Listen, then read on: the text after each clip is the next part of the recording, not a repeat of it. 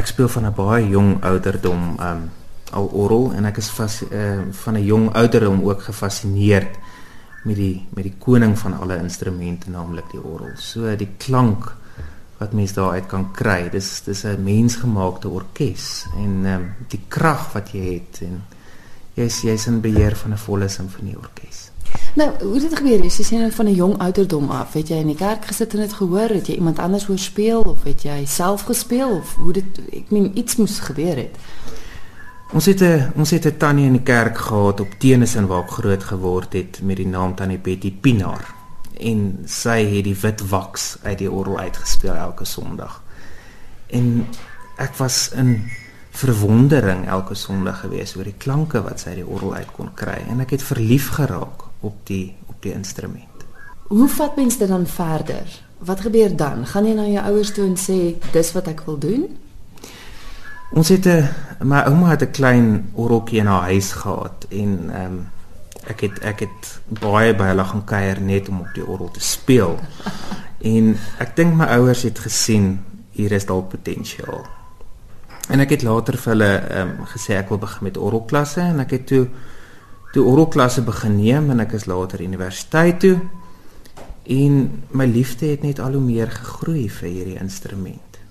En nou vandag speel jy by 'n kerk, is jy vryskoot toe, wat doen jy alles? Ek is die orgelis by die Nederduits Hervormde Kerk in Pretoria Oos en ek is ook die bestuurder van Ellen Kerkorgels in Suid-Afrika. So jou liefde vir orgel strek regtig baie ver. 24 uur per dag. nou saam met jou is Bram van Tonder en hy's trompetspeler. Selfe vraag vir jou, hoekom trompet? Ek het geen idee nie. Maar ek weet om my ma en pa het beide die liefde vir musiek gehad. Hulle het self musiek gedoen en hulle het dit gekweek. My pa was predikant geweest. Ons het op klein dorpies maar gebly. En daarso was dit maar die ou tannie wat daarso klavier gegee het.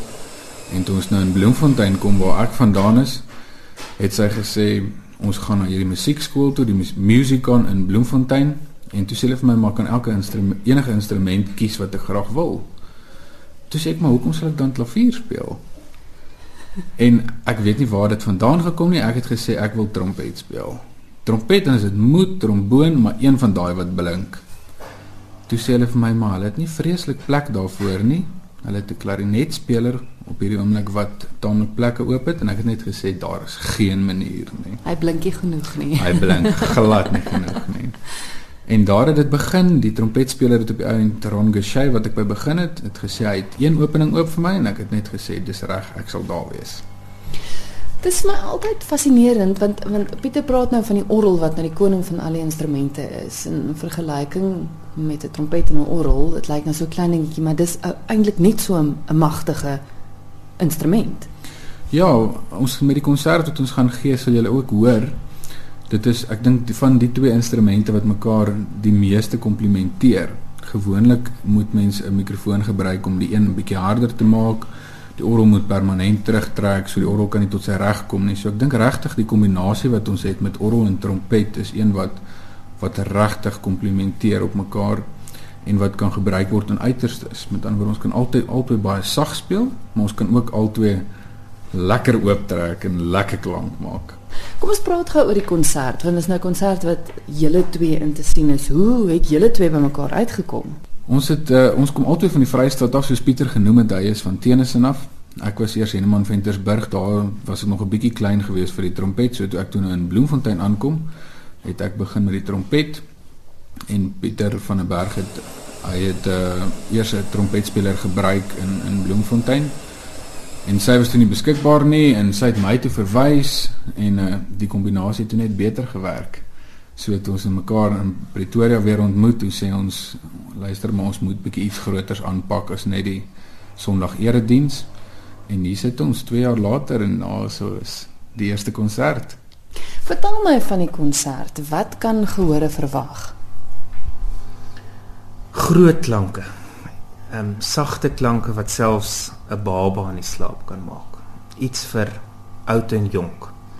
Ehm um, ek dink dit dit stel die orgel weer aan jong mense bekend wat hulle dalk die orgel net op 'n ander manier kan hoor en dalk net weer met ander oë na die orgel kan kyk. Ons het ook stukke gaan uitkies wat wat sal aanklank vind by by alle generasies. En ehm um, en wat dalk 'n traan of twee kan laat loop die aand. Die verwerking daarvan, want kyk mense besluit op 'n stuk musiek soos jy nou sê wat jy graag almal wil betrek en en opgewonde oor maak, doen jy self die verwerkings? 80% van die van die serie het ons self die self die verwerkings gedoen en 'n bietjie daaraan gewerk om dit aan te pas vir orgel en trompet. So iets wat mense nie altyd op 'n trompet dalk sal kan hoor nie, het ons aangepas. Ehm um, laat dit laat dit wel op die trompet gespeel kan word. Noem so een of twee name van kom ons maak die luisteraars lus om die konsert by te woon. Ehm um, daar is daar is die Albenoni ehm um, wat ons geskryf het, uh, wat ons gaan verwerk het uh, die Albenoni uh, die in ja, dit uh, die Prince of Denmark, Trampant Voluntary. Ehm um, Bram het 'n pragtige ding op die Last Post gedoen wat ehm um, wat aansluit dan by Bly by my Heer en 'n uh, verwerking van Psalm 23. So dit is ehm um, dis ietsie vir vir almal. Kom ons praat gou oor waar die konsert plaasvind, want in daardie gemeente, dis ook waar die die CD opgeneem is, verstaan ek reg? Ehm um, dit vind plaas by die Gereformeerde Kerk die Kandelaar, dis hier in Pretoria. Dit het een van die mooiste orgels in Pretoria. Ehm um, dit is 'n uh, is 'n rein meganiese orgel, speel baie lekker en en die akoestiek is ongelooflik in die in in in in 'n leë kerk. So ehm um, ek het ek het die opname baie geniet en ek tot vandag toe geniet ek ook nog steeds die orgel. Nou jy kan jou trompet braam enige plek heen vat en jy kan enige plek optree. Maar voel jy as orgelis is dit soms beperkend want jy kan nie noodwendig jou orgel onder jou blad druk en ergens heen gaan nie. Is daar genoeg plekke in ons land om op te tree? Ja en nee. Ehm um, met die ekonomie in vandag se se se wêreld is daar kerke wat net nie meer die finansies het om hulle orgels te onderhou nie. Ehm um, so kerke werk hard om die instrumente onderhou, maar dit kos ongelooflik baie geld.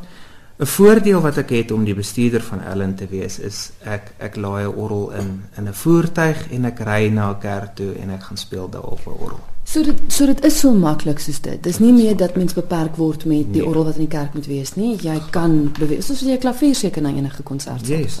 Verlede jaar het ehm um, het ek uh, het ek saam met Rocco Kak en K toe gegaan en ons het 'n orgel in die bus gelaai en ons het in die auditorium gespeel. Ek wil dit ek dink dit was die eerste keer in in die geskiedenis in in in die auditorium in Oudtshoorn waar daar orgelklanke was. Hmm. So dit is dit is moontlik. Die konsert wanneer vind dit plaas? Die konsert is die 28ste Julie. Dit is in Kandelaar. Uh, dit is op die hoek van Cadonia en Dickinson. En soos wat Pieter gesê het ook, weet die akoestiek is wonderlik daar. Die keuse van venue was vir ons baie belangrik geweest toe ons die hele konsert beplan het.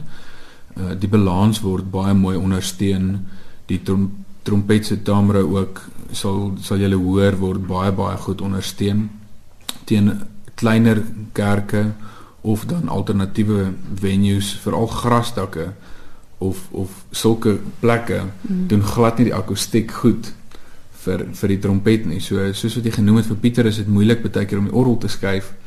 Ek kan my trompet saamvat, maar baie keer die omgewing rondom my kan dit nog steeds so beïnvloed. So ek dink vir beide van ons is die venue wat ons gekies het komplementeer ook die konsert baie. So ek sou die moeite doen om om dan die 28ste by te woon. Ons beplan ook ander konserte wat ons reg deur die land wil doen. En ons benadering tot venues is altyd baie keer 'n probleem mm. om die plekke in die hande te kry om seker te maak dat die orgels wel in stand gehou is dat ons nie die orgel moet herbou voor ons 'n nuwe konsert daar kan hou. Hoe maak luisteraars as hulle graag so 'n konsert by hulle sou wou hê? Is daar 'n manier om met julle in verbinding te tree? Ehm um, ons albei is op Facebook of hulle hulle kan vir ons kontak op eh, op eh, op 'n telefoonnommer. Ehm um, 072 041 3954. En dan nou ekskuus om weer terug te kom na die 28ste, hoe laat is daai konsert en hoe maak hulle om kaartjies vir daardie konsert te kry? konsert begin 7:00 die aand en die kaartjies is die aand by die deure beskikbaar.